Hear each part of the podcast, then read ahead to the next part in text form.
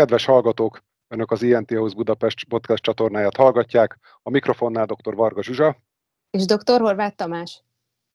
A mai adásban egy speciális műszeres vizsgáló eljárásról lesz szó, amit a szédülés diagnosztikában használunk.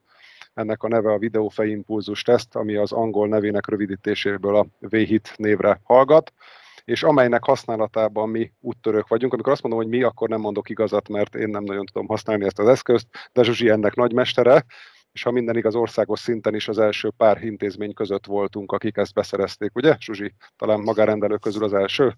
Igen, igen, így van, pontosan.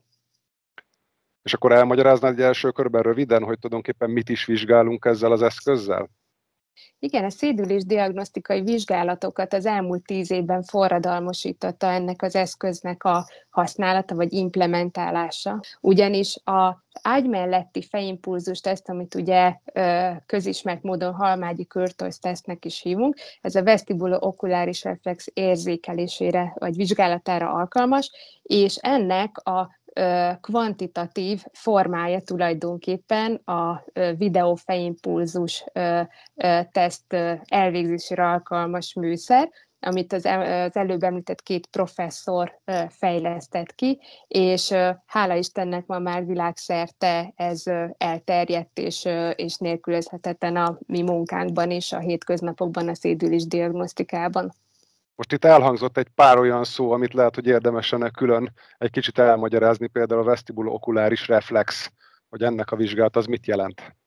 Igen, hát kezdjük akkor egy kicsit távolabbról a dolgot, ugye, hogy hát az egyensúly érzékelésére tulajdonképpen hogy is ö, ö, nyílik lehetőség az emberi szervezetben, tehát a, a félkörös szívjáratok, ezek a szöggyorsulás érzékelésére, alkalmasak, és az utriculus sacculus, tehát az otolit szervek pedig a lineáris gyorsulás és a fejhelyzet érzékelését végzik.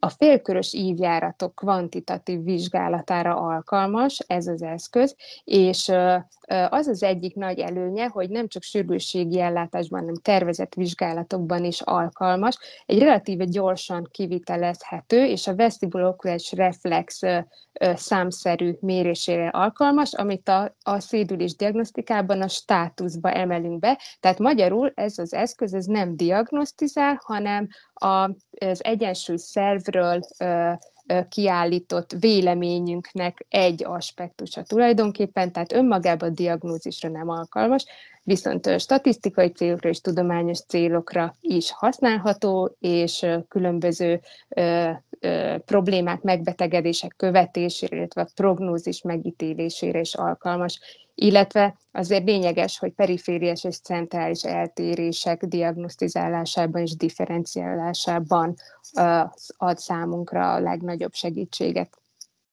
De még mindig nem derült ki, hogy mi a vestibulo okuláris reflex. Á, oké, rendben. Akkor lépjünk vissza még egyet, jó?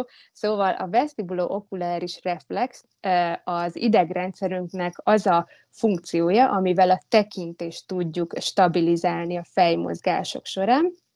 Tehát a, fejmozgás, a fejmozgások alatt a fixált képe mindig a retinánra vetül, így bármelyre forgatjuk a fejünket, akár hirtelen, ugye akkor fogunk élesen látni, hogyha a retinán egy tiszta kép alakul ki, és ehhez az szükséges, hogy a szemgolyónk az minél gyorsabban és hatékonyabban abban a pozícióban legyen, amikor a retinál éres kép alakul ki.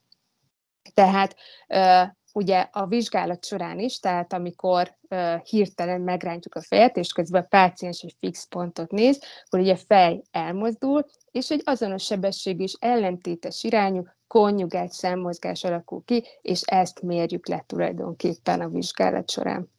Azt hiszem, hogy orvosi oldalról ez már kezd egész világossá válni, ha pedig a betegek nyelvére akarjuk lefordítani, akkor végső soron arról van szó, hogy az egyensúly szervet úgy vizsgáljuk, hogy annak a szoros összeköttetése, talán a legszorosabb összeköttetése a szemmel van, ugye, és hogy bizonyos fejmozdítási pozíciókban ö, vizsgáljuk ö, lényegében a szemet.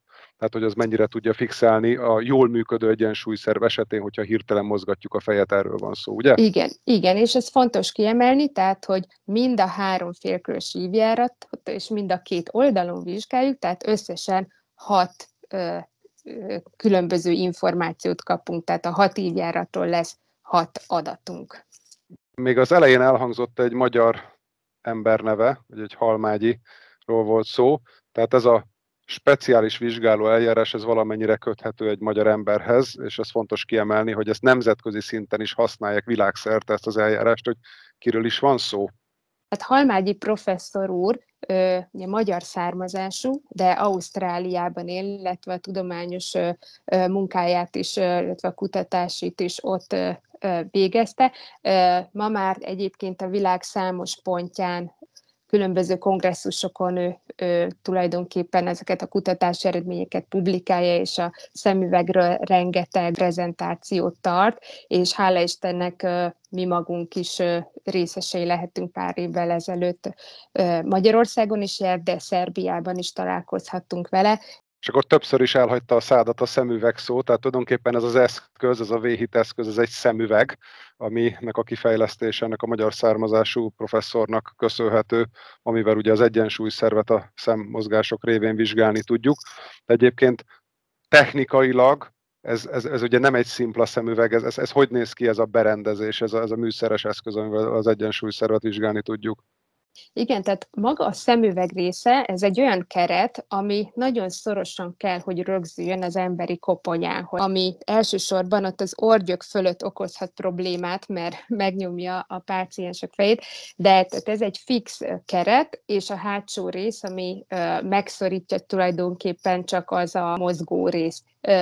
Találhatunk benne egy nagysebességű USB kamerát, illetve különböző szenzorok vannak benne, amelyek egyrészt a szemtengely mozgását érzékelik, és a szemüveg az követi a fej szabad térben való mozgását, és ugye a szemfej mozgás összehasonlítására is lehetőség nyílik. Egyébként nagyon-nagyon könnyű, 60 g mindössze, és belül még található benne egy ilyen kipattintható szivacs, ezt szoktuk cserélni páciensenként, ami talán kényelmesebbé vagy elviselhetőbbé teszi a, a vizsgálatot a, a beteg számára, de szerencsésebb esetben csak pár percről van szó, és így jobban viselik ezt a pici nyomást, ami ilyenkor ott a koponyacsonton, a homloknál jelentkezik. Hát akkor ugye a podcast hallgatók nem láthatják, de úgy kell elképzelni ezt a szemüveget, ami nem annyira durván nagy eszköz, mint egy ilyen virtuális valóság szemüveg, és a működési elve pedig teljesen más, mert nem is egy ilyen videó jeleket közvetít, de mégis egy hagyományos szemüveghez képest egy ilyen futurisztikusabb, ilyen eszközökkel felszerelt szemüveg plusz, hívjuk szemüveg plusznak. Igen, ez nagyon találó. Oké. Okay. És akkor, tehát mit is és hogyan is vizsgálunk, vagy hogy zajlik egy ilyen folyamat, hogy ki, ki az, akinél például szóba jön, hogy ilyen vizsgálatot kell elvégezni? Hát a szintülés diagnosztikában ugye számos olyan korkép van, ahol ö, megfontolandó a szemüveg használata. Sokszor még akkor is kijöhetnek érdekes eredmények, amikor az ember akár egy teljesen ö, egyértelmű egy mezei BPPV-vel találkozik, de ö, sokszor megcsináljuk akkor is a vizsgálatot, amikor ö, már van kész diagnózis a kezünkben, de mondjuk ö, kíváncsiságból mondjuk érdemes státuszrögzítés véget is ö, megnézni a vestibulokuláris reflex hatékonyságát, és sokszor-sokszor bizony kijönnek érdekes eredmények. Tehát tulajdonképpen perifériás és centrális vestibuláris patológiák gyanúja esetében érdemes elvégezni ezt a vizsgálatot, és hogy korábban is már említettük, tehát az otoneurológiai vizsgálat egy nagy kirakó, egy nagy puzzle, amiből egy elem a videófejimpulzus teszt, tehát minél több információ áll rendelkezésünkre a diagnózishoz, talán annál letisztultabb lesz a, az eredmény. Tehát a videó fejimpulzus teszt vizsgálattal a vesztiblokuláris reflex teljesítményét vizsgáljuk, és a magas frekvenciai ingerlésre adott vesztibuláris válasz vizsgálható ezzel tulajdonképpen. Ezt azért fontos megjegyezni, ugyanis az alacsony frekvenciájú ingerlésre adott választ, azt pedig a kalorikus ingerléssel vizsgáljuk. Tehát otoneurológiai vizsgálatnál a fejimpulzus teszt és kalorikus ingerlés nem csereszabatosak, tehát ezek kiegészítik egymást, de nem egymás helyett végezhető vizsgálatok.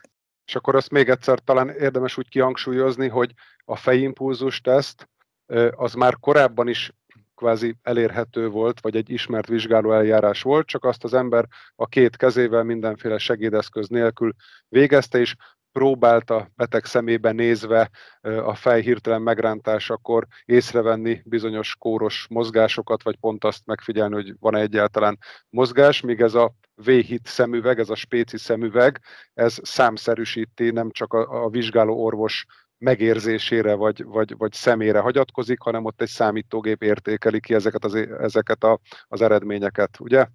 Így van, így van. Tehát amikor a ö, műszerrel vizsgálunk, akkor alapvetően ö, azt a jelenséget keressük, hogy amikor a, a vestibulo-okulális reflex hatékonysága leromlik, akkor a vizsgálati görbén ilyen kis tüskék, úgynevezett szakkádok jelennek meg.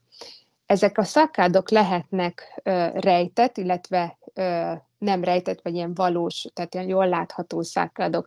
A jól látható szakkádok, amik a görbén megjelennek, ezek a ágy melletti teszt során ezeket a vizsgáló is láthatja. Azonban vannak úgynevezett rejtett szakkádok, amik annyira gyorsan, szinte a fej mozgás végén jelentkeznek, ezt egy, egy emberi szem, mint vizsgáló, ezt nem feltétlenül észleli. Tehát Ezeket a rejtett szakádokat precízen ki lehet mutatni ezzel a műszerrel.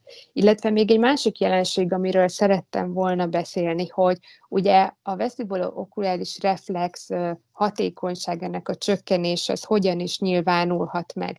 Tehát ez az az úgynevezett látótér meglódulás, vagy oszcillopszia, amit ö, ö, szaknyelven ugye ezzel a csúnya szóval illetünk. Tehát ez az a jelenség, ami akkor alakul ki, hogyha ez a reflex nem elég hatékony, ugye a szemgolyó nem tud elég gyorsan abba a pozícióba kerülni, hogy a retinán éles kép ö, alakuljon ki, tehát a szemgolyó kvázi lemarad, a szemmozgató izmok nem elég ügyesek ahhoz, hogy, hogy megfelelő pozícióba hozzák a szemet, ezért a szem egy picit később ér oda, idézőjelbe, és ez az látótérnek egy, egy ilyen kis csúszását fogja ö, okozni. Ez célirányos kérdésekkel már a kortörténetbe is ö, meg tudjuk ítélni, hogy fel tudjuk mérni, hogy van-e hasonló panasza a betegnek, és hogyha arra jutunk, hogy tulajdonképpen a beteg ezt átéli, akkor mindenképpen csináljuk meg a, a véhit vizsgálatot, mert mert akkor nagy valószínűséggel igazolható ez a gyanú. Oké, okay, úgy döntünk, hogy megcsináljuk a véhit vizsgálatot, és a, a beteg, beteget elküldjük mondjuk egy olyan centrumba, egy olyan szakértőhöz, aki ezt el tudja végezni. Milyen útravalót adjunk a betegeknek, mert mi van akkor, hogyha a beteg például szemüveges eleve, mi van akkor, hogyha mondjuk a fél szemére vak, mi van akkor, hogyha ha óriási műszempillái vannak például, és a többi, és a többi. Tehát egy, egy beteg ideális esetben hogy, hogy jelentkezik egy ilyen vizsgálatra, vagy, vagy, vagy mire készüljön? Hát először is akkor kezdjük ezekkel a hogy is mondjam, a leggyakoribb jelenségekkel, amik artefaktumot, tehát ilyen mellékterméket okozhatnak a vizsgálat során. Ezek a tartós mink, műszempilla, mindig érdemes inkább smink nélkül és, és műszempilla nélkül érkezni ezekre a vizsgálatokra. Önként még férfiaknál is előfordul, hogy nagyon-nagyon hosszú szempilla, és ez a kamera látóterébe esik. Erre viszont a rendelőben egy olyan megoldást találtunk, hogy ilyen dupla szivacskeretet helyeztünk a szemüvegre, és ez már biztosította, hogy megfelelő távolság legyen a kamera és a szem között, és ezzel már kiküszöböltük. Szintén a tehát haj tekintetében, tehát a frissen mosott csúszós fényes haj az a szemüveg csúszásához hozzájárul, tehát szintén nem ideális, azért erre van mindenféle szellemes megoldás ennek a kiküszöbölésére, tehát az úszó sapkától kezdve hajgumi és, és hasonló dolgok. Hát vagy például én az 1-2 milliméteres hajammal például ideális vizsgáló alany Igen, egyébként... Mindenkinek ezt, ajánlom ezt a frizurát. Igen, ezt jól mondod, és egyébként erre olvastam is egy ilyen instrukciós tanulmányt, hogy tulajdonképpen a te fenotípusod, ha szabad így mondani, Tessék. a legideálisabb. Igen, a, Remé- a vizsgálat... Remélem persze, hogy nem fogok úgy szédülni, hogy szükség legyen rá, de, de ha mégis, akkor milyen jó. Igen, ezt nem kívánom senkinek, főleg ne, nem neked, de, de egyébként biztos egy gyors és precíz vizsgálatot meg tudnánk oldani. Szóval a, a másik dolog, ami még szintén nehézséget tud okozni, a pácienseknek a nyaki merevsége, tehát különböző nyaki degeneratív elváltozások esetében, vállövi merevségnél néha nagyon-nagyon nehéz megfelelő számú fejimpulzust végezni, amit a gép is elfogad, és ebből egy értékelhető vizsgálatot csinálni, tehát előfordul, hogy tényleg nem pár perc a vizsgálat, hanem akár fél óra, vagy még ez már extrém mondjuk, de, de szóval ilyen típusú technikai nehezítő tényezőkre is fel kell készülni. És hogy készüljenek a betegek, hogy például mennyi időt vesz igénybe egy ilyen vizsgálat, vagy hogy na, most csak elvégzünk egy ilyen véhitet, aztán viszlát, vagy, vagy hogy, hogy, hogy néz ki például időben? Hát időben ez úgy néz ki, hogy meg az otoneurológiai vizsgálat az, ami azért elég hosszúra tud nyúlni. Ha szerencsénk van, és ö, ö, gyakorlott kézben ez, ez tulajdonképpen pár perc alatt gyorsan kivitelezhető vizsgálat, és itt igazából az a kérdés, hogy a teljes otoneurológiai vizsgálatnak mely részei ö, állnak rendelkezésre, vagy már ö, ellettek végezve, vagy még azokat is ezzel együtt meg kell csinálni. Tehát maga a videófejimpulzus teszt ö, tulajdonképpen egy 5-10 perc alatt elvégezhető. Van-e még bármi, amit útra valóul akár a betegeknek, akár kollégáknak esetleg kiemelnél? Vagy hát arra, arra a tanulmányra szeretnék hivatkozni, amit 2018-ban végeztek kollégák, és ö, ö, ö, tulajdonképpen ott három ö, olyan szakemberrel végezték a videófejimpulzus vizsgálatokat, akiket egy tapasztalt tréner tanított be, és tulajdonképpen nagyon gyorsan lehet fejlődni, mint vizsgáló, tehát hogy a jó technika elsajátítása az nem bonyolult, viszont érdemes minél többet gyakorolni, illetve különböző beteg típusokat is felismerni, illetve idősebbeknél, fiatalabbaknál is egyaránt elvégezni a vizsgálatot, minél több rutin alakuljon ki, és uh, nyilván itt a, a, a rutin uh, megszerzése az egyenesen arányos a, a, a szakmailag is színvonalasabb vizsgálat és lelet uh, kivitelezésével. Ezt jaj, de szépen mondtad. Akkor esetleg összefoglalásképpen elmondhatjuk-e a véhit eljárásról, vagy erről a vizsgálóeszközről, hogy ez egy olyan nemrégiben elterjedt műszeres vizsgálómódszer, ami nem egy csodaeszköz, amit ráteszünk a beteg fejére, és kiköpi, hogy mi a diagnózis, hanem egy korábban már ismert vizsgáló eljárást objektivizál, számszerűsít, megerősít, és a vizsgáló orvostól függetlenül adja ki a paramétereket, ami elég hasznos a szédülés diagnosztikában. Már-már mondhatni, hogy elengedhetetlen egy alapszédülés kivizsgálásánál, viszont igényel némi gyakorlatot, meg némi kooperációt a betegek részéről, ugye? Ez pontosan így van, ahogy elmondtad, és mindenkinek a figyelmébe ajánlom azokat a, a YouTube-on megtalálható tréningeket, ami különböző konferenciák, illetve szakemberek által készített ilyen tréning anyagok, mert rengeteget lehet belőle tanulni, az elméleti rész az tökéletesen elsajátítható, és utána már csak nem marad más, hogy megszerezzük azt a rutint, amivel pikpak kivitelezzük ezt a vizsgálatot. Ami semmi különös, egy pár ezer embert meg kell vizsgálni, ennyi. Ezt ha valakinek van egy kis szabad akkor bármikor megteheti. Így van, úgyhogy csak jó gyakorlást kívánhatunk mindenkinek. A hallgatóknak pedig köszönjük, hogy meghallgattak minket, és akkor folytatjuk tovább. Szia Zsuzsi! Köszönjük, sziasztok! Hello!